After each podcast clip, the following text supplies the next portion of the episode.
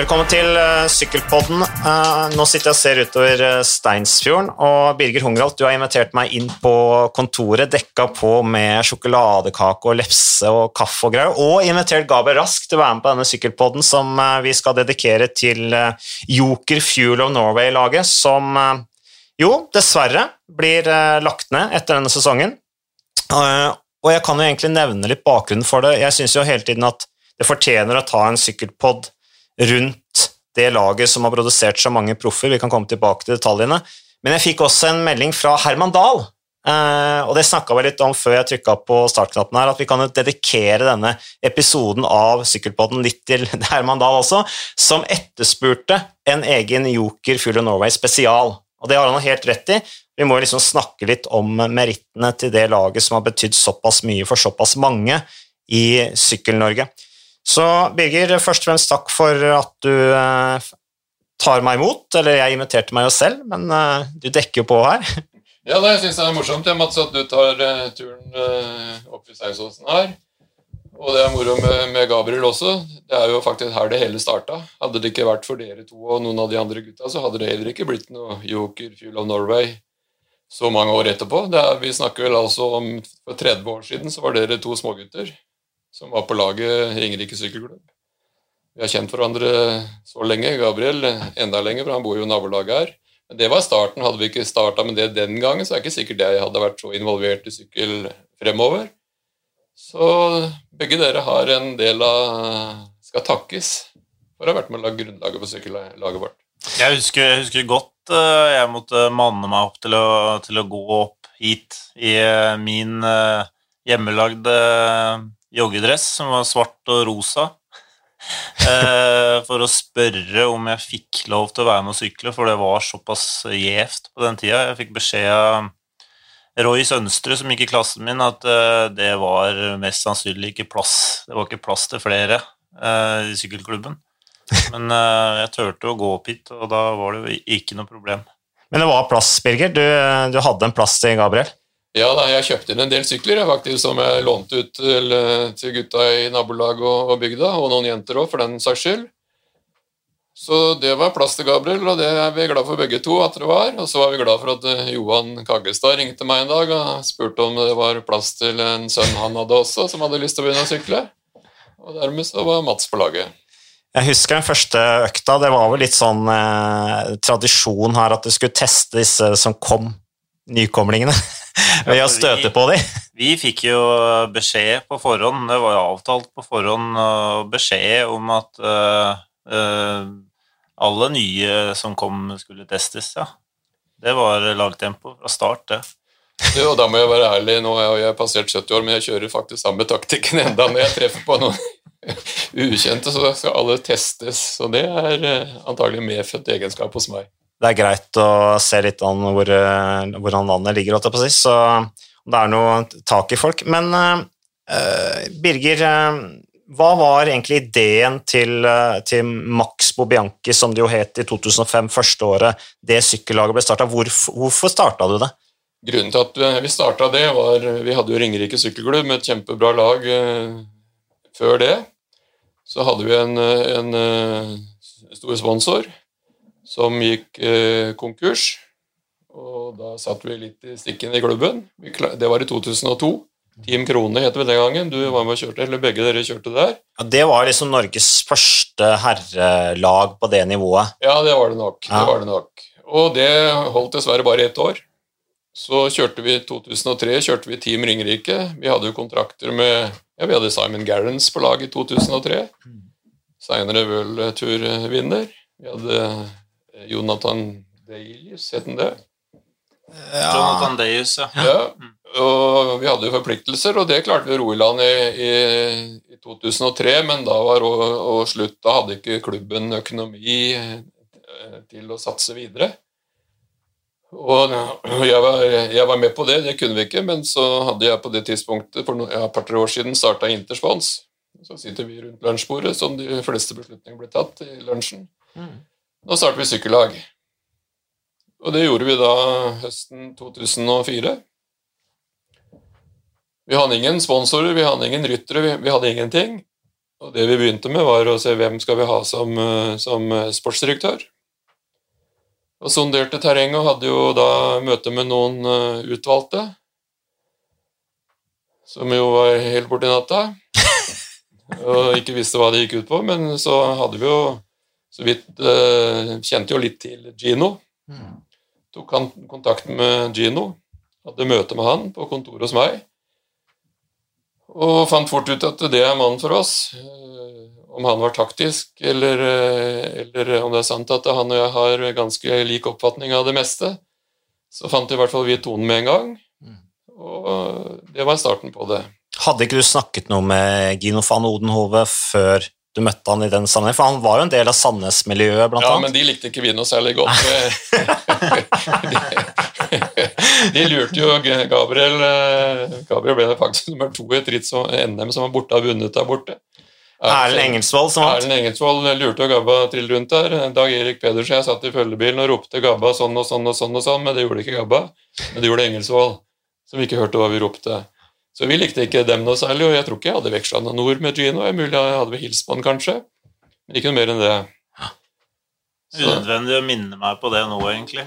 Det, den episoden hadde jeg fortrengt. Jeg husker det der NM godt, ja, for det var, det var, tre fra Ringerike og tre fra Sandnes som var i det avgjørende bruddet. Jeg tror det bare var et eh, det var bare dekkforskjell eller noe sånt. Det var helt på Ja, sånn er det. Ja, vi har alle opplevd fiaskoer, Gabba. Men da var det i hvert fall Gino med å, å slå Ringerike. Helt riktig. helt mm. riktig, helt riktig. Det er det primære. Ja, det er ikke noe primære, men det var faktiske forhold. Mm. Men Gino var en eh, flott fyr mm. som vi hadde veldig stor nytte av i, i, starten, eh, når vi skulle begynne å hente inn ryttere, og også seinere. Da passer det egentlig veldig greit å synes jeg, ta den overgangen til Gino van Odenhove som jeg snakka med. Så kan vi høre hva han sier om starten og samarbeidet med deg, Birger. Gino van Odenhove, du eh, var med fra start av laget, fra etableringen av laget. Kan ikke du raskt fortelle litt om hvordan det, det skjedde? Jo, så uh, jeg jobbet uh, i den tiden, vi snakker i 2004, jobbet jeg uh, som landslagstrener i forbundet for U23. med bl.a. Kristoffer Myhre. Som var en god venn med, med Birger. Kjørte på, på Team Ringerike og sånn. og så Hadde mye med han å gjøre. så Vi snakket mye på landslaget om det var kult å ha eget lag. og uh, ha det beste sammen og kjøre ut i Europa. Ikke som landslag, men med sponsorer og litt mer midler. og ja, det var sånn, Vi snakket mye om det. Og så Plutselig fikk jeg telefon da, fra, fra Birger, eh, som hadde planer om, om, å starte opp igjen. Etter han hadde hatt uh, lag tidligere. og så ja, dro jeg inn på møtet, og så var vi i gang, egentlig. Så uh, var jeg med helt fra starten. Mm. Du, du, hadde jo vært med på noen prosjekter før det. Hadde du, tro, hadde du en annen tro på det prosjektet her enn tidligere prosjekter du hadde vært med på i Norge? Ja, altså, vi, jeg, vi, hadde de tankene. Jeg, jeg var tre år i forbundet, men før det var jeg et par år i Sandnes. Og det var sånn hele tiden, altså, så Mine tanker var hele tiden når du så eh, f.eks. Rabobank eh, U23 kjøre rundt og AIS, Australian Institute of Sports, og så etter, etterpå kom British Cycling. For meg var det sånn fremtiden, og jeg hadde sånn ja, virkelig tro på at Uh, kanskje de norske skulle kjøre sammen på, på, et veldig bra lag, i stedet for å gå til franske lag og, og sånn type ting. Vi prøvde å få litt midler og litt tanker om å å gå på et nivå i Sandnes, men det syns jeg rett og slett var litt for tidlig. Og så kom den muligheten tre år, eh, tre år senere. Og jeg husker at jeg satt i det møtet med Birger, og, og ja, vi, snakket, vi, snakket, komplett om det samme. Hva, vi ville og, og, sånne ting. og jeg husker at jeg gikk ut av der tre, tre, ja, tre og en halv time senere og spurte om jeg ikke skulle ha lønn. så jeg var så interessert i selve prosjektet at jeg ikke tenkte på engang at Eh, skulle bli betalt for det. Så ja, jeg hadde veldig tro på det. og Sikkert når Birger og Interspons hadde de samme tankene, så det, det var jo fantastisk. Mm. Men det ble ganske mange seire. 87 seire ble det fra 2006. Man begynte først å vinne i 2006, da, fram til 2020, eh, da, dette siste året vi har hatt. Hva er ditt beste minne fra, fra tiden i, i, det som da nå heter Joker Fuel of Norway? Ja, det, jeg tror nok det er de to årene der, eh, helt klart. Så Det første året var ikke det helt året. Jeg tror vi vant en norgescup i, i Sandefjord eller noen ting. Det var unge ryttere. Men så eh, året etter, i 2006, kom jo Gabba inn med masse erfaring. Da egentlig var Gabba, så lenge han syklet der, var la oss si, assisterende sportsdirektør, så vi jobbet veldig bra sammen. Og så kom ja, vidunderbarene med, med Edvald. Eh, da var det bare å kjøre på. Det funket, funket veldig bra. så Det beste minnet kommer nok fra den tiden. Men ja, man kan ikke glemme at, at, vi har hatt en verdensmester i U23, og vi har, vi har vunnet mange, mange ja, flotte løp ute i Europa. Uh, men ja, jeg tror, jeg tror det var NM 2007. Ja, NM 2007 i Brumunddal, jeg tror det er det beste minnet. Ja, det året der så vant dere 18 ritt. Ja, men ja, det, det, var spesielt. Vi vant Paris-Corrèze. Jeg tror du var med òg. Vi vant begge etapper og, og, sammenlagt i Frankrike med, med, med de fleste franske profflag. Men det som var litt spesielt, at vi kjørte NM da. Vi vant, uh, ja, vi vant alt. Så vi vant U23. Vi, det var ikke bare at vi vant, vi ble én til seks. Så hadde vi to pallplasser, én og tre på gaterittet. Eh, Edvald vant tempo. så Alex eh, vant jo fellesstart eh, med Nelite elite da, hvor han slår Tor. Tor Hushoft, og så blir Wilman tre, så denne uka der var det sånn Det var toppen, toppen i Norge. Så, men ja, som sagt, Edvald vant jo tre etapper i, i Lavenir. og Det var kult å se Gabba vinne ritt som Ronald Pizer-tour. Sånn, han hadde egentlig tenkt tidligere å legge opp, og så kom han til oss. og så fikk sånn nivåer og ble egentlig ikke proff etter det, og en fin karriere i syklingen. Så det, de to årene der nok tror jeg var sånn litt toppen uh, av laget. Ja, for, du har jo du har vært med å vinke farvel til en ganske stor mengde med ryttere til, til utlandet. Eh, I tillegg så er det jo flere av rytterne som har blitt sportsdirektører, bl.a. Leonard Snokes er jo sportsdirektør i Uno X, og mange har bidratt som ressurspersoner. Du har f.eks. Raida Borgersen, som jo er en stor ressursperson nå i, i, i Norge. Eh, men uh, hva har det betydd Du har jo også reist ut til, til utlandet. Uh, nå er jo du i, uh, i Assos Quebeca. Uh, du har vært der det blir vel ditt tredje eller fjerde år, blir ikke det, Gino? Ja, jeg går inn i mitt fjerde år nå. Ja. Så, Så hva, hva, Joker, eller hva har det norske laget betydd for deg og din videre karriere, tror du? Jeg tror det har betydd for meg like mye som, som for de rutere som har gått videre. Så jeg tror uten uten å gå gjennom hele systemet der, egentlig. Og starte som en ung, uerfaren sportsdirektør. Eh, og så etablere seg i Norge ja, som skal ikke si den beste, men blant de bedre. Eh, og, så, og, så, komme seg videre. Så jeg tror uten, uten Birger og, og laget at det muligens aldri hadde skjedd.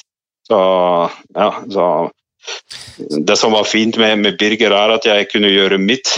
Så uh, Jeg husker det første året jeg jobbet for han, så jeg ble kalt inn på møte og var jeg livredd. vet du, Jeg var livredd Birger. så uh, Nå har jeg jobbet med, med en par managere på toppnivå. og Jeg har fortsatt ikke truffet noen som jeg likte så godt å jobbe for si det sånn, en, en Birger. Så jeg har lært ufattelig mye. Ufattelig mange timer der på kontoret. Se hvordan de gjør businessen deres, og hvordan de tenker og strategi og alt mulig. Så for meg har det vært den, den perfekte læreskålen. Mm. Mm. Er det vemodig, syns du, Gino, at uh, laget nå legges ned? Ja, så jeg hørte noen, noen rykter, og så kom, ble det offisielt. da. Og jeg må si at, at det stakk mye mer enn jeg trodde det skulle gjøre. Mm. Så spesielt når du, ser, du så artiklene på, på, Eurosport, og de hadde ringt til forskjellige ryttere og ditt og dette. og så og Jeg ringte til den dagen til Birger Aka. ja, det, var, det, var ikke, det var ikke kult, nei. Så den, den stakk ganske dypt. Så, så, den perioden har, har tydeligvis betydd eh, ganske mye mm. for meg. Mm. Men du har vært med på noe morsomt, og, og, gøy at du er videre. Det har vært en drøm for deg også å ta steget ut i, i det større selskapet i, i World Touren. Så det er egentlig bare for meg å ønske deg god jul, Gino, så masse lykke til i 2021. Takk for det, og i like måte. Takk, takk. Ja, det var eh, Gino om uh, tiden og starten med, med det som da til slutt ble hetende Joker Fuel of Norway. Eh, og Birger han nevner jo det at han var litt redd for deg. Eh, kjenner du deg igjen i det, eller har du hørt om det før? Jeg har vel hørt om det i noen uh, flotte taler på, på julebordet opp gjennom tidene, men han hadde jo ikke noe grunn til det. Og så syns jeg også kan si i denne sammenheng her at Gino var jo sportsdirektør hos oss i, i mange år uten at det var noe med handshake. Vi hadde jo ikke noe skriftlig avtale i første åra der. Det trengte jo først Gino Jeg husker ikke om det var for å bli norsk statsborger eller få, få norsk førerkort, at han måtte ha en arbeidsavtale. Ellers var det jo tillit begge veier. Mm. Men han uh, sier jo det at du ga en veldig stor tillit, som du er inne på her, til å lage ditt eget lag, så du hadde aldri noen store føringer i forhold til hvem han skulle uh, signere, og hvordan han skulle drive taktikken, eller? Det er jo fint at Gino hadde den oppfatningen, for det er vel ikke helt sant, det han sier der, men han hadde, hadde sikkert da følelsen av det, men vi snakka jo sammen på telefon nesten hver dag til å begynne med det her. Mm. Og, men vi var jo enige, så det var jo aldri noe tema. Det er vel kun én mann igjennom tidene som, eh, som uh, Gino ikke ville ha på laget. Som jeg sa han skal på laget. Og det var Reidar Borgersen. Mm. Gino ville ikke ha inn en skøyteløper som, uh, som, så blir lurvete ut. Så, men det, det, det trumfa jeg gjennom, og det kan vi vel si at han kan takke meg for, og det har han for så vidt gjort også. Bare, begge, begge, har faktisk gjort det. Men hva var det som gjorde at du så gjerne ville ha Reidar Borgersen? For du, har, du, du er skøyteløper sjøl, er det derfor? Nei, nei, jeg er ikke noe skøyteløper. Jeg gikk på skøyter som guttunge, men jeg var jævla dårlig, så jeg mm. slutta med det. Nei, jeg så potensialet. Kjører sånn som han gjorde på, på 50 km temporitt. Så hadde han jo trøkk. Mm. Og jeg snakka jo litt med han, og, og ikke bare snakka med han, men jeg sjekka litt med Sverre Hauglie og andre i skøytemiljøet, at dette var en fyr med hel ved. Mm. Og dermed så kom uh, Reidar mot Gino stemme inn på laget. Og det ble jo en suksess, det. Absolutt. Mm. Absolutt. Reidar Borgersen har jo senere blitt en ressurs også i Sykkel-Norge, som trener bl.a. på Vang. Trener jo flere, Han var jo også sportsdirektør i, i Joker etterpå. Ja, han var det i mange år. Han var det i mange år. Ja, Trener, ikke Bra minst. Mm. Eh, men Gabba, du kom jo inn i, eh, inn i det som ble Max Bobianchi, eller som var Max Bobianchi i starten, eh, og som Gino beskriver, altså du var i ferd med å legge opp, og så fikk du en ny vår hvor motivert var du egentlig når du kom dit? Altså, Trodde du at det skulle bli sånn, eller bare tok du et år fordi du ikke helt visste hva du skulle gjøre? Hvordan, hvordan, hvordan vil du beskrive den starten der, for det ble jo en ny vår for deg? Ja, altså det var en periode hvor eh, jeg eh, hadde vært lei lenge, egentlig, og så stoppa jeg litt, og så eh, kom Max på Bianchi. Eh, og da uh, fant jeg vel egentlig ut at jeg skulle bare skrinlegge den der eh, proffdrømmen min, og heller bare nyte sykkellivet, egentlig. Og satte mer og mer pris på trening, uh, Gran Canaria-samlingene, pluss at vi var en kanonfin gjeng sammen på tur, som hadde det veldig gøy, og som hadde en ekstremt høy moral også, treningsmoral, som vi på en måte hadde Eh, tatt med oss fra uh, yngre dagene i Ringerike, egentlig. Um, så det betydde jo, det betydde jo alt. Uh, og da kommer resultatene av seg selv. Men Birger, du har jo kjent Gabba siden han var bitte liten gutt. Ja, uh, og hadde, hva var dine tanker? Ville du veldig gjerne ha han med på den satsinga, eller tok du han bare med for å være snill? Hadde du trua på han, eller ja, Gabriel var jo ikke med første året vårt. Da kjørte han for uh, Sparebanken Vest. Sparebanken Vest, fordi vi hadde ikke orden på laget vårt på det tidspunktet. Da følte Gabriel seg litt usikker. At det ble noe i det hele tatt. Det hadde han jo god, god grunn til. For det var jo på gyngende is før vi, før vi tok beslutningen ja, ca. 1.10., husker jeg. Så Gabriel kom inn i år to. Og da var han jo veldig motivert, men han hadde jo også litt tanker om kanskje at det gikk mot slutten. Men jeg husker jo det veldig godt, Gabriel. Du hadde jo jobb som fliselegger den høsten der og fikk smake på arbeidslivet. Måtte være på byggeplassen klokka sju om morgenen og var hjemme igjen helt ferdig på 4.50 på kvelden. Det sa du ikke noe om, Gabba, når du sa det der, ja, at du bare ville glede deg over syklinga og endelig hadde fått sans på Canar Gran Canaria-samlinger igjen. Ja, ja. Du hadde prøvd det i arbeidslivet, du. Kanskje var timene på, på knea i, i bade, baderom rundt omkring med fliser som, som økte gleden. Men Gabriel, nå er, du, i, nå er du direktør i verdens største sykkellag. Jeg leste noe, Det kan godt tenkes at det er bare helt ville spekulasjoner, men jeg leste noe om at nå skal, de, nå skal sannsynligvis budsjettet økes ytterligere i Injos uh, for de neste årene, opp til 500 millioner kroner. Jeg vet ikke om Det er sikkert bare rykter, men uh, det er noe stadig spekulasjoner rundt det laget, bl.a. at det skal signere Walt van Ert, og i det hele tatt, det skal ta alt. Uh, og nå er du der via en ny vår, via utlandet igjen, bl.a. Crédit Agricole, France de Jeu, Cervelo uh, var du i, uh, Garmin. så hva betød Max på Bianchi for deg?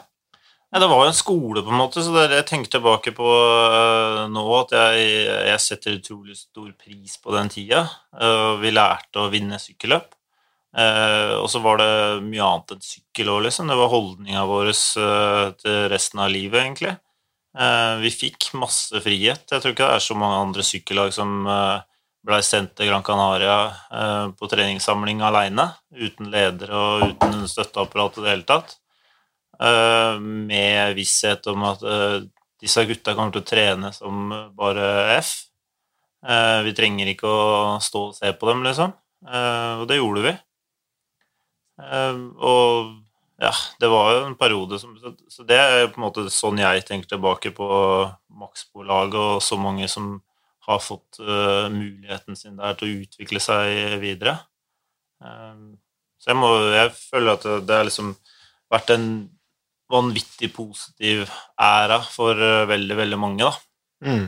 Dere vant mye store sykkelløp, da. Uh, selvfølgelig liksom nivået under World Tour, men allikevel. Store sykkelløp, Olympias Tour, etapper i Irland rundt, husker. Det var særlig de 2006-2007-tida. Uh, eh, Paris Corres, Miot Breton, Tour de Normandie, Tour de Alsace, Tour de Bretagne, Tour d'Oise, Tour de Jura. 17 utenlandsproffer har jeg eh, telt meg opp til, og vi tok en liten gjennomgang før vi satt på, på, opptaksknappen her, og du var relativt enig i eh, det antallet. Hvis vi tar vekk da fjerner de rytterne som har gått i Uno X, hvis vi tar de som har blitt sendt til utlandet, Edvard Baasen Hagen, Alexander Kristoff, Gabriel Rask, Lars Petter Norhaug, Fredrik Willmann, Vegard Stake Lagen, Vegard Breen, Kristoffer Skjerping, Truls Engen Korseth, Odd Christian Eiking, Kristoffer Halvorsen, som i tillegg ble verdensmester U23 i 2016 i Qatar, Daniel Hoelgaard, Amund Grøndal Jansen, Sindre Lunke, Tobias Foss, Carl Fredrik Hagen, Rasmus Tiller. Kan jo legge til da, at Tobias Foss gikk jo via Uno X, da, eh, men fra, fra Joker. Men uh, det er mange ryttere her som har uh, gått skolen. Er du stolt over det, Birger? Ja, stolt og, stolt og like stolt. Jeg syns det er veldig flott hvert fall, at jeg har klart det. Så skal jeg også si det at det er noen av dem som ikke borte har gjort det. De borte har vært hos oss kanskje et år eller to til for å bli litt bedre, så de ikke måtte avslutte karrieren så altfor tidlig. Mm. Men det er flott å registrere at det er så mange. Det er ikke sånn at jeg har sittet og telt Du måtte fortelle meg at det var 17 mann, men men det er bra. Det er jeg tror du visste det, Birger. Du bare lata som du ikke visste det. Nei, det er faktisk feil. Det er faktisk feil. Men jeg jeg har hørt det. Folk snakker om det. Ja, ja. Det man ikke snakker om, det er at vi har jo rekruttert Vi har snakka litt om Gino. Mm. Vi har også rekruttert Tommy Josefsson, ja. som har MEC på C... CC. Mm. Ja, MEC. Hos Bjarne Riis. Så ja, vi har vært med og skolert mange. Ja, da, så kan jo, sant, Svein, Svein, Erik Wold var jo sportsdirektør. Eh, Stian Remme har jo blitt en ressursperson i Norsk Sykkel. Reidar Borgersen har vi snakka om. Adrian Jølberg var jo sportsdirektør i Fixit, blant annet. Oskar Svendsen, som jo var juniorverdensmesteren, som vi også har hatt på Sykkelpodden tidligere, eh, var jo innom eh, Joker. Eh, Anders Skårseth var der. Tore Sleen har vært der, osv., osv. Søren Wernerskjold, ikke minst. Mange ryttere som, som kom, har en lang karriere, bra karriere foran seg også. men men Gabriel Birger, i den tida vi har hatt nå, så når vi snakka om proff, de som har blitt proffer og osv., er det noen, er noen ryttere dere tenker liksom ah, hva synd at ikke det ble noe mer ut av han? Kan dere trekke fram en sånn person? Ja, og Kristoffer Myhre, kanskje. For eksempel. Han var jo en, en rytter som hadde et vanvittig potensial. Eh, ikke fikk det 100% ut, og ikke fikk sjansen sin egentlig i utlandet. Det var periode som det var veldig vanskelig, vanskelig å bli proff. Vanskelig å komme ut. Jeg tror Hvis han hadde, hatt, uh, hvis han hadde vært uh, rytter nå, f.eks., hvor uh, hvor de utenlandske lagene har fått veldig øynene opp for norske ryttere, så hadde nok han passert nåløyet ganske lett nå. Jeg, Du hadde signert han, eller Inios? ja, altså Det veit jeg ikke. Eller tipsa om han? Ja, det kan godt være det. Ja. Kan godt være det. Så, men uh, han blei jo vanvittig eh, Han kjørte Tour Lavnir veldig bra et år, husker jeg. Um, men han var en rytter som hadde potensial. Hmm, Kristoffer Myhre, det er lenge siden. Jeg, selv jeg har jo sykla med Kristoffer Myhre. Du, og det var førstemann jeg tenkte på også, før Gabba sa det nå, Kristoffer Myhre. Det er at han ikke fikk fortsette av, av private årsaker, det syns jeg var veldig leit. Hmm. Han kunne ha blitt en stor rytter Hmm. Og er en utrolig flott fyr. En av de som virkelig lykkes, det var jo, eh, eller som virkelig har lykkes, blitt en stor syklist, det er eh, Alexander Kristoff. Vi kan høre hva han sier om hva eh, Joker har betydd for han. Alexander Kristoff, du var tre år i eh, Du begynte jo Maxbo, og så var det to år i da, det som da ble Joker, før du gikk over i BMC. Hva betød, den, hva betød det norske laget for deg?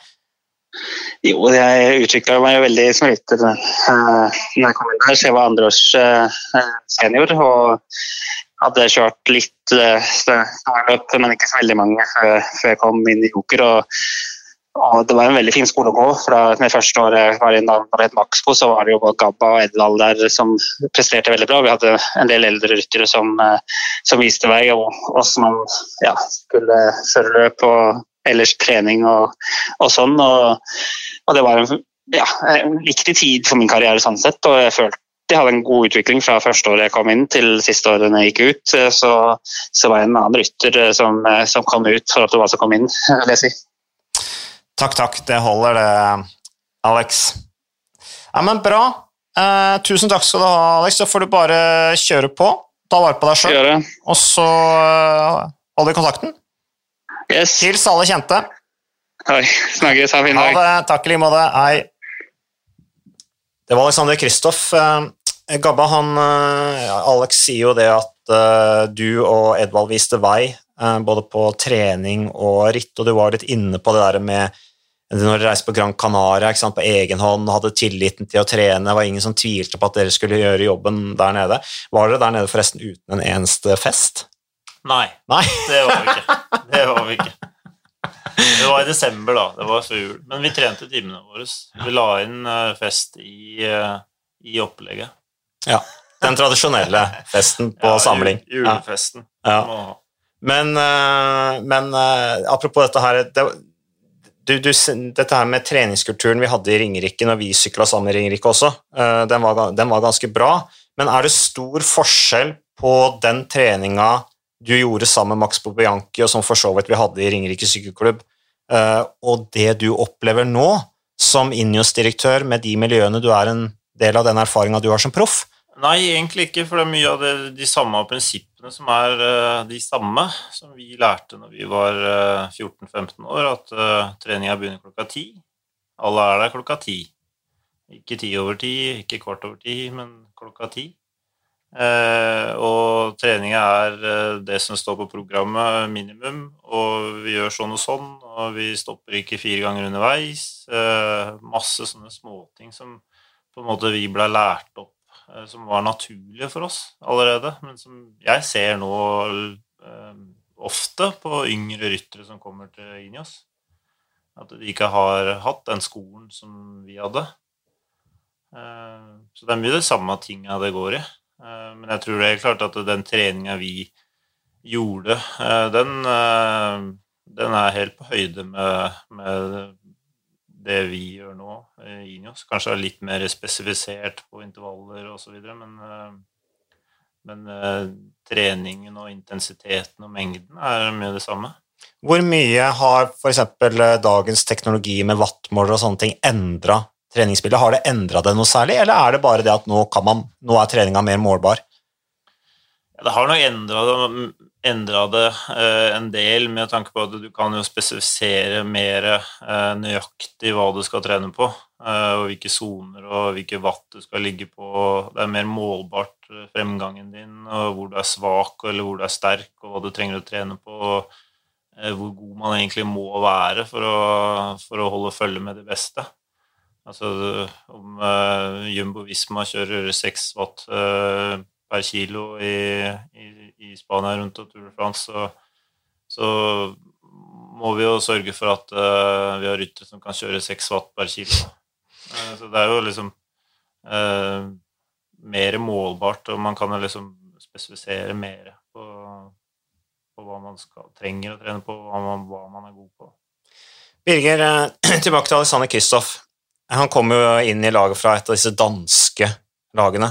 Uh, opprinnelig fra sanne Stavanger-miljøet. Stavanger, er det vel, for å heter helt korrekt. Det tror jeg er riktig å si Stavanger og ikke Sande. Ja, jeg tror det er forskjell. Uh, men hva var det dere så i Alexandra når dere henta han?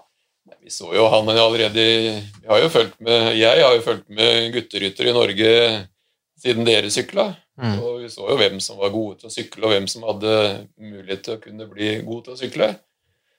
Og han var jo en av de. Han eh, kjørte jo med, kjørte jo med Edvald, samme, samme årskull. Mm. Det var de to, og så var det han Liland fra Horten som var de dominerende i det kullet der.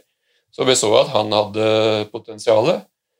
Så var vi litt overraska over at eh, han og Var det ikke Roy Heggerberg som gikk til Horsens, kanskje? Mm. Et av de lagene i Danmark. Brud og Marstrand, ja. ja. Og så, jeg husker ikke, men det var vel antakelig Gino som snakka med den, og, og de, eller han kom til oss. Og det var jo en fin fyr. Er en fin fyr. Mm. Så han uh, eh, passa fint inn på laget vårt. Han vant jo ikke så mange sykkelløp til å begynne med, men, uh, men han utvikla seg og jobba jo knallhardt. Mm. Og det mest morsomme var jo når han vant NM i 2007, slo uh, Tore Hushovd. Ja, som jo også Gino trekker fram. Som Gino trekker fram. Det var jo en kjempesak for oss. Det husker jeg var ikke noe særlig bra sak for oss. Jeg sykla jo med Tor Hustad i NM det året der, og fikk i år òg. Det var en kjip, kjip tap. Jeg husker jo Tor Hushovd var helt rasende etter målgang der. Eh, og uttrykker at du kommer aldri til å bli noen stor syklist, og kalte han ting som ikke jeg vil si her nå på podkasten. Han var rett og slett ufin mot denne guttungen som hadde sin lykkeligste dag. Tor var jo hans helt inntil da. Mm. Etterpå så tror jeg ikke det har vært like gjevt. Men det var en flott sak med Alex. Så husker jeg han vant en etappe i Ringerike Grand Prix, lengste etappen vi har hatt noen gang. Kjørte fra Beitostølen og over Dokka, Randsfjorden og rundt Røyse. Hvor eh, Alex gikk det på slutten der. Kjørte solo fra den bratte, bratte bakken ute på Røyse, over den eh, smale veien. Gikk solo. Lå 100-200 meter foran feltet og vant inn til målgang på Vikstoppen. Lang, langt og seigt. Hvilket år var det? Var det 2007? 2006, kanskje? 2006? Jeg, jeg husker, ja, ja, kanskje. Men det var i hvert fall en kjempe, kjempesak. Da hadde vi også et godt lag. Da hadde vi jo med Lars Petter og, og Fredrik Wilman, husker jeg. Som for øvrig aldri ble enige om hvem av de som skulle være best, så de kjørte mer mot hverandre enn enn med hverandre. Å ja, de gjorde det, de ja, ja, det Internt i laget? Ja, ja, det var ikke bra med de gutta der. Men da ble det stridigheter, da? Internt?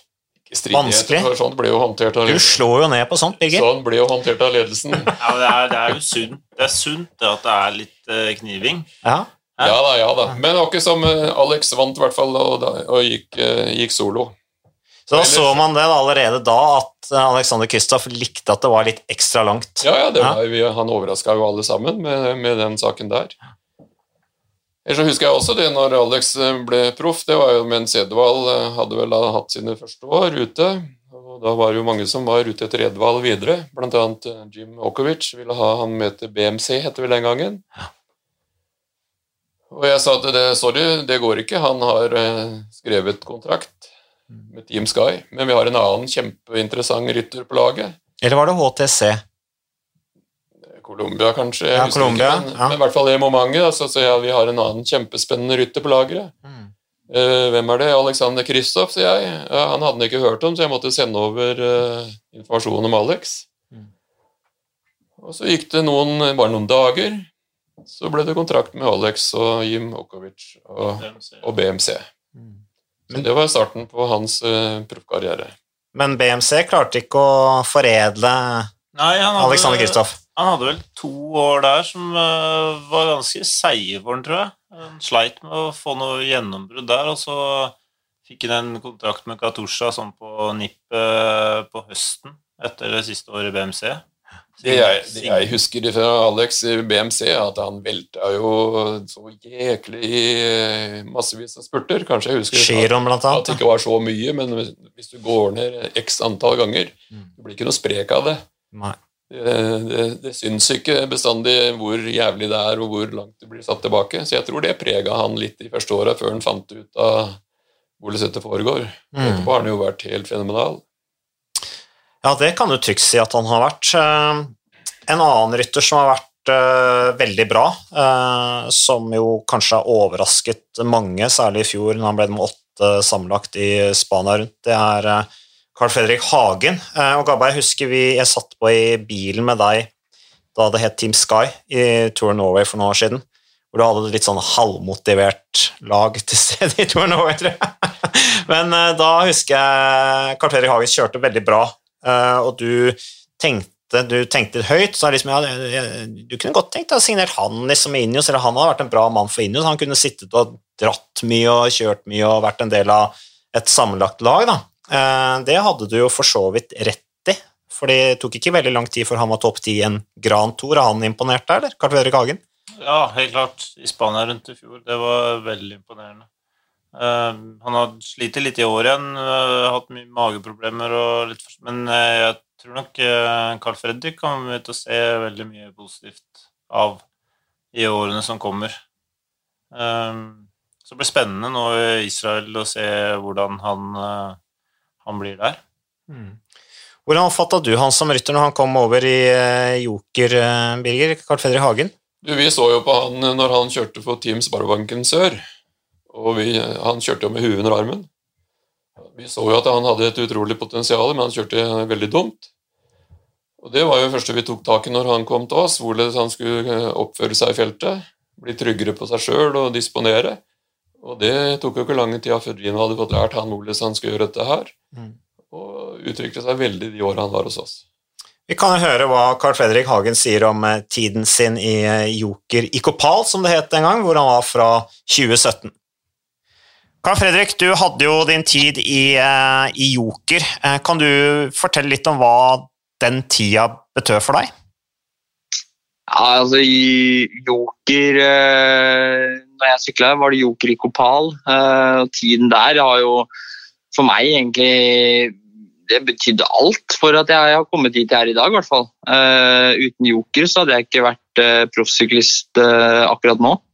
Og det var alltid et stort mål om å komme inn i inn i Joker-laget når man uh, var rytter på klubb- eller kontinivå i Norge før. Og, og når jeg fikk signert kontrakt med, med Joker i, i 2017, så, så var jo det kjempestort. Og, og både sant, den kulturen, det miljøet, den derre det, det var liksom en sånn egen eh, egen, sånn, egen drive inni, inni laget, og vi gjorde hverandre gode i løp og kjørte masse, masse gode løp i utlandet og i Norge, og flinke folk i støtteapparatet. Så nei, det, var, det, betydde, det har betydd alt for meg å få eh, sjansen til å sykle for Joker.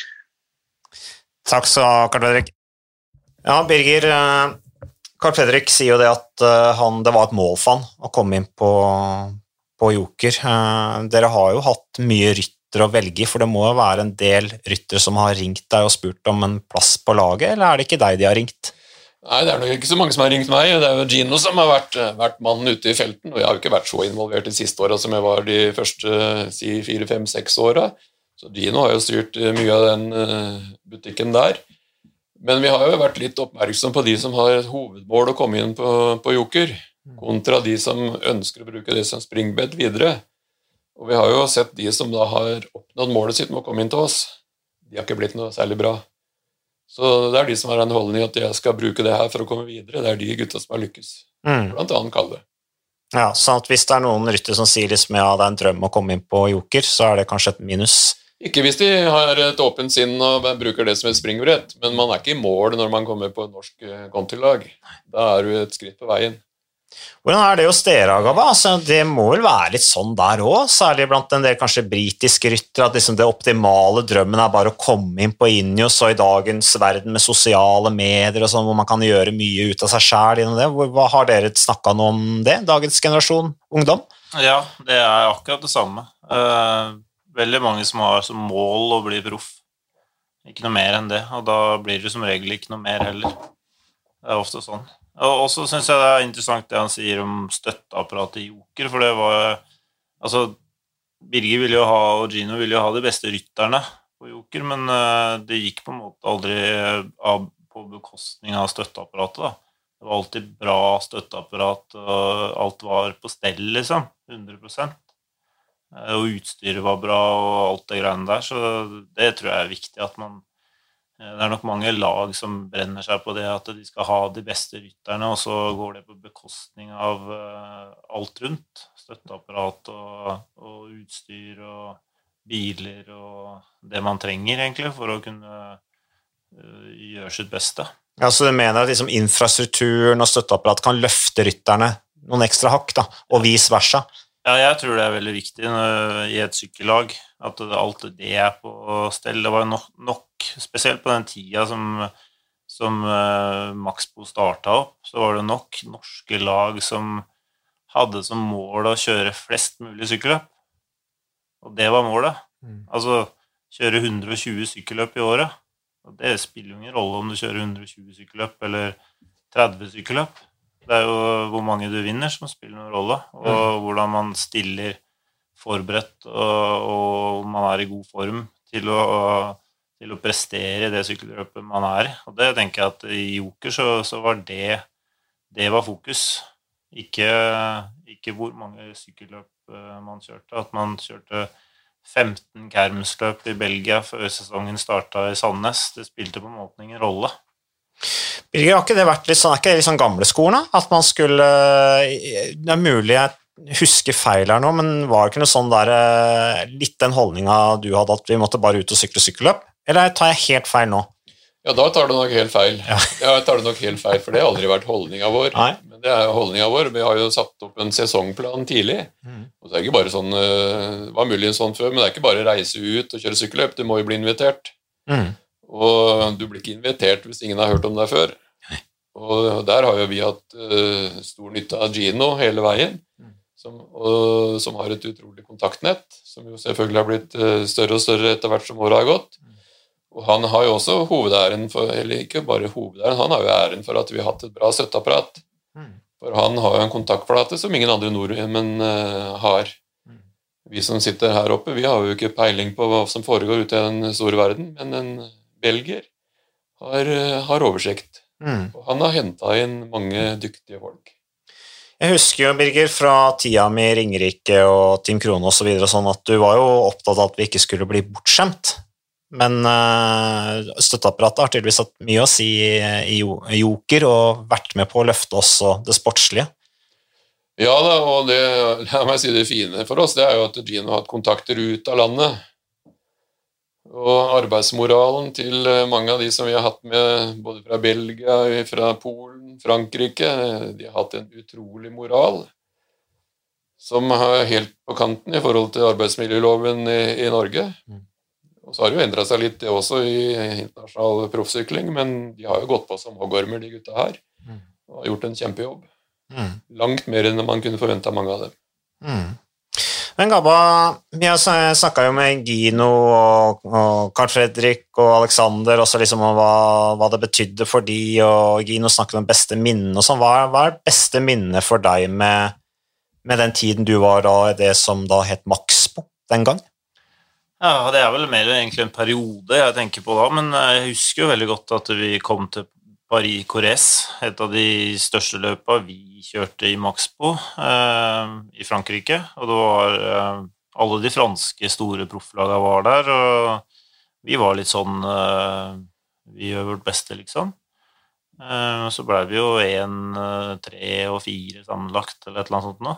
Ja, det var jo med mye store profflag til stede. Ja, så det var spesielt. altså. Det var veldig spesielt. Alle laga kom der med busser og fullt opplegg, og vi hadde en liten van og, og noen stoler vi satte ut.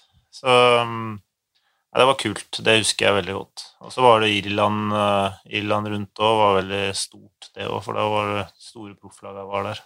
Men Gabba, det har slått meg litt når du sier det du sier nå, at du har alltid likt deg på litt sånn outsiderlag. Litt sånn derre De som på en måte kommer litt unnafra og ikke, ikke, folk regner med, og som plutselig slår til. Jeg husker når vi var junior, blant annet juniorlandslaget, så kommer vi med sånn relativt uh, sånn shabby da, i forhold til italienske landslag på den tida, franske landslag på den tida. Sånn. Og du liksom sa til oss her, slutt å snakke om at de har så bra utstyr og bra, ser så proffe ut. Uh, vi skal bare kjøre, og du, du, har alltid på en måte vært veldig offensiv i den måten, og du har jo, der du har lykkes best også som sykkelrytter, er jo der hvor dere har vært litt sånn outside, f.eks. Servel og Testteam òg. Der fungerte det jo veldig bra, dere hadde på en måte det offensive miljøet, outside-miljøet. Er det et er noe poeng Har du noen gang tenkt på den refleksjonen som jeg kom med der? Uh, nei, jeg har egentlig ikke gjort det, altså. Men uh, jeg tror nok kanskje det bare er en, på en, måte en innstilling som vi kanskje blei Som var litt av grunnlaget for, for Maxbo-lag og Ringerike når vi var yngre. At Gi noe F i de andre, liksom. her kommer vi. -hmm. og så ja, være positiv generelt, da. Til det, finne, finne, de positive vinklingene på den situasjonen du er i selv. Eller det laget her er i, da. Men kulturen er jo kjempeviktig, da. Ja, at det er en offensiv kultur. At det ikke nødvendigvis handler om å ha det største budsjettet og det beste utstyret, men at den offensive kulturen er ekstremt viktig. Hva tenker du om det, Birger? Jo, det, og det Gabriel sier herifra, Gabriel er jo prototypen på det. Mm. Og det lærte jo jeg dere gutta når dere var smågutter. Vi står ikke med lua i hånda og, og venter på de andre. Vi står først. Vi var jo offensive fra starten, og det har jo prega dere og, og, Gabriel i særdeleshet. Jeg husker Gabriel stort oppslag i lokalavisa 'Jeg skal bli proff'. Da vant han uh, Farrismesterskapet som 15-åring. Mm. Og det har jo vært et tålmodighetsarbeid, men han har lykkes med det. Og nå er han jo enda mer proff enn, en det han har drømt om, nemlig sportsdirektør på verdens største sykkellag. Så det er å ha holdningen i bånn. Mm. Da ordner det seg. Jeg tenker på, Du har jo møtt, Dere har møtt mye unge ryttere, begge to. Eh, men Birger, er det, liksom, er det noen gang du har opplevd at unge ryttere har kommet og begynt å snakke om lønn og stilt veldig krav, og som dermed har brent brua si pga. det? Det er vel ingen som har brent broa si pga. det, men det er jo noen som har hatt litt høye tanker om seg sjøl. Mm. Klart Et lag som oss, vi har jo ikke hatt evne til å betale all verden i stipend, vi. Men eh, nei, det har aldri vært noe stor sak, det, i Max Bobianke eller Joker uh, seinere. Det har det ikke vært. Men, men, du spurte Gabriel om hans eh, beste minne fra perioden. og Da må jeg si at det mitt beste minne fra Max Bobianchi, Joker, Fuel of Norway og alle de andre navnene vi har, det er jo den dagen jeg skrev under kontrakt med Joker. Ja. Som skjedde høsten 2006. Og det er jo takket være dagligvarekjeden Joker at vi har klart å holde dette gående i så mange år som det vi har gjort. Hva sier de når laget Eller har du snakket med de om at laget Det har du jo selvfølgelig, men hva sier de om at laget nå legges ned? Nei, De syns jo det er veldig leit. Vi hadde jo faktisk eh, kontrakt med Joker også i, eh, i 2021. Mm. Så vi brøt jo den kontrakten, men, eh, og vi hadde en, en, en bra sum fra Joakim, men ikke nok til å drive laget sånn som vi ønsker å drive det. Vi kunne ha kjørt videre på et veldig sparebluss, men det valgte vi da ikke å gjøre. Hva slags budsjett snakker vi om her, Birger, for å drive et lag sånn som det har vært drevet uh, på sitt beste? Da Da må du ha ti millioner norske. Ok. Mm. Og ja, det er nok et minimum. Det er et minimum, ja. ja. Gino sier jo at det er uh, vemodig at det stakk han litt ekstra mer enn han trodde det skulle gjøre når laget ble lagt ned. Hvor men vemodig er det for deg, Birger, du som har starta dette laget? Ja, det er jo vemodig, eh, men eh, det er ikke noe som ryster meg. Men eh, det er klart det er jo en kjedelig sak. Mm. Og skal jeg også si at nå har jeg passert 70 år. Så jeg hadde jo ikke kommet til å holde på med det her i, i mange år framover. Så det er klart Hadde vi hatt en eh, kronprins og dra, dra det videre, så kunne kanskje det ha, ha, gått. Men jeg har jo vært kjempeflink til å ikke slippe til andre, og da blir jo det, da blir det hovedpremien, det. Å ikke kunne drive det videre. Men uh, det var jo en stund snakk om at Gabriel kanskje skulle ta over. Jeg syns jeg så noe i media om det. Jeg vet ikke om det sto i media, eller om det bare vi som snakka sammen. jeg husker ikke helt. Eh, men uansett uh, det, det, det var aldri noe du har ikke tenkt den tanken du, Gabel? Jo, helt klart. Det har jeg gjort. Og vi har jo snakka om det, vi og Birger. Ja, det, vi har det. Men, men utfordringen altså, Vi hadde jo hatt Gabriel, men hovedutfordringen det vi snakker om nå, det er å skaffe penger. Mm. Og med de utsiktene som var for, eh, for laget i 21 å få inn nye sponsorer til å gå på sesongen 21, blir det sykkelløp i det hele tatt? Hvordan er situasjonen for disse sponsorene? Hvordan vil verden se ut? Det var jo det som var det usikre sammenhengen her. Mm. Men uh, i bunn og grunn så er det penger vi snakker om. Mm. Mm. Men jeg tenker på nå som landskapet på en måte til en viss grad har endra seg litt med UnoX, som har den kjempesatsingen de har. Var man helt avhengig av da å få et budsjett som kunne matche Uno X for å kunne bli et interessant sykkellag, eller kunne man fortsatt holdt det på rundt 10-15 millioner? Uh, Nå er det stor forskjell på 10-15. Ja, ja, det, er... fem millioner imellom der. Ja, klart, det er jækla mye penger hvis du skal ut og skaffe dem. Mm. Men, eh, men eh, Uno X som et uh, pro-kontilag og et uh, to-tre kontilag er det plass til i Norge. Massevis av lovende syklister, og det gjorde vi siste året. Da, da tok vi inn en god del unge ryttere for å videreutvikle dem. Og det er jo ikke plass til alle norske syklister på, på Uno X. Så det kunne blitt et flott mannskap, det som hadde vært interessant å jobbe med. Det er ikke noe tvil om. Så det er ikke sånn nå at liksom, ja, vi, nå trenger vi ikke Joker lenger uansett, fordi at vi har Uno X? Det kan jo egentlig spørre unge norske sykkelryttere om i stedet for meg, men, mm. Eh, men, i min verden så er det behov for to kontilag i tillegg til, eh, til eh, Uno X. Mm. Mm. Og jeg ser jo for meg Uno X, det kommer jo ikke til å bestå av bare norske ryttere, gjør ikke det nå heller, men andel norske ryttere kan jo fort bli mindre der enn det det er foreløpig. De måtte jo sikre seg mange ryttere det første året. Og i denne verden så lager du ikke ettårskontrakter, så de sitter jo med en god del ryttere på toårskontrakter. Eller alle som gikk inn første året, blir jo med andre året, mm. hvis de ikke legger opp. Så det er ikke sikkert de har så mange, mange norske ryttere av totalt sammen neste år. Det vil forundre meg, faktisk. Mm. Hvordan er eh, situasjonen, tenker du, Gabriel, eh, med for unge norske ryttere i Norge i dag? Jeg tenker at de aller, aller beste eh, i junior, de blir nok plukka opp. Men nå har vi jo sett tidligere at det er jo ikke alltid at det er de som blir best. Det er mange som trenger et år eller to på å lære og herde seg. Og du ser jo ryttere som Carl Fredrik. Eh, hadde han blitt plukka opp av UnoX? Jeg vet ikke. Eh, og altså Det er jo eh, helt klart et behov som er der for at ryttere skal utvikle seg. Men enda viktigere når det gjelder ryttere å utvikle, det er jo å ha gode norske sykkelløp. Mm. Og det er mangelvare på per dato. Mm. Det er for lite fine sykkelløp som eh, unge ryttere kan kjøre i Norge. Og Det er en utfordring for Sykkel-Norge. Og jeg ser jo nå det kommer jo, har kommet en norgescupliste for neste år, med antagelig fem arrangementer. Det blir for tynt. Ikke nødvendigvis skal være norgescupritt alle sammen, men det må være fine sykkelritt. Og da snakker vi jo, Nå sitter vi og snakker om senior, voksne, men det må være fine sykkelritt fra ungdomsklassen oppover. Mm. Og det er på grensa til eh, katastrofe per mm. Så det står ikke så bra til i Sykkel-Norge, mener du altså, Birger? Nei, ikke på arrangementssida for yngre ryttere. Det er altfor dårlig. Og så kan du si Det er mange som sitter og hyler og skriker, men det er jo ingen som er villig, eller det er fælt få som er villige til å ta på seg ansvaret. Man skylder jo på både det ene og det andre, men hvis man krummer nakken og tar i et tak, så er det uproblematisk. Mm. Det man også må tenke seg om, det er hvor man legger disse sykkelrittene. Man må legge sykkelritt på steder hvor det ikke kreves all verden å arrangere. Der har mange, mange gått i fella.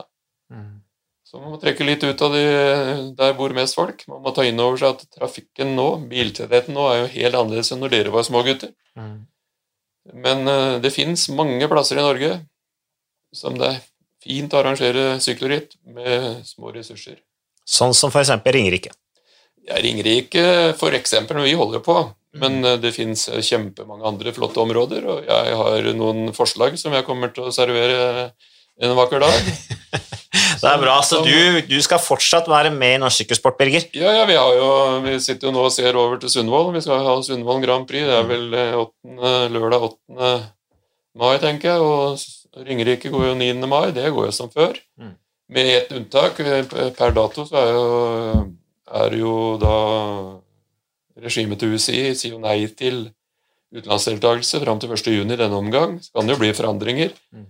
Men i så fall så blir jo da Ringerike og Sundvolden usiret med kun norske deltakere. Mm.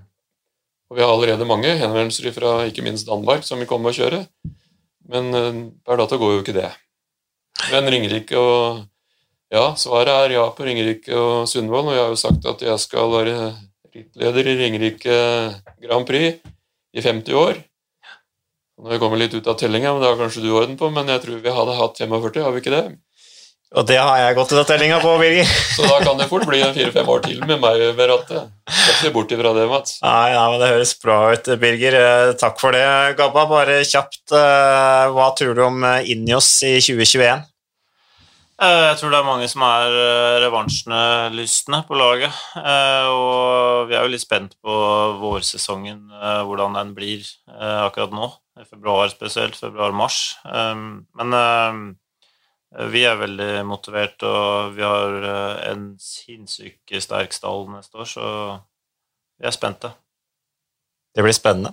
Da ønsker jeg dere god jul, og så takk for eh, nok et bra bidrag på Sykkelpodden. Det var hyggelig å bli invitert hit, Birger, med kake og lefse og kaffe og alt, så dette har vært veldig hyggelig. Det var dårlig på kake, Mats, men det tar vi vel etter sending. Kan ikke snakke med mat i munnen, det har jeg lært. Jeg ønsker alle en god jul.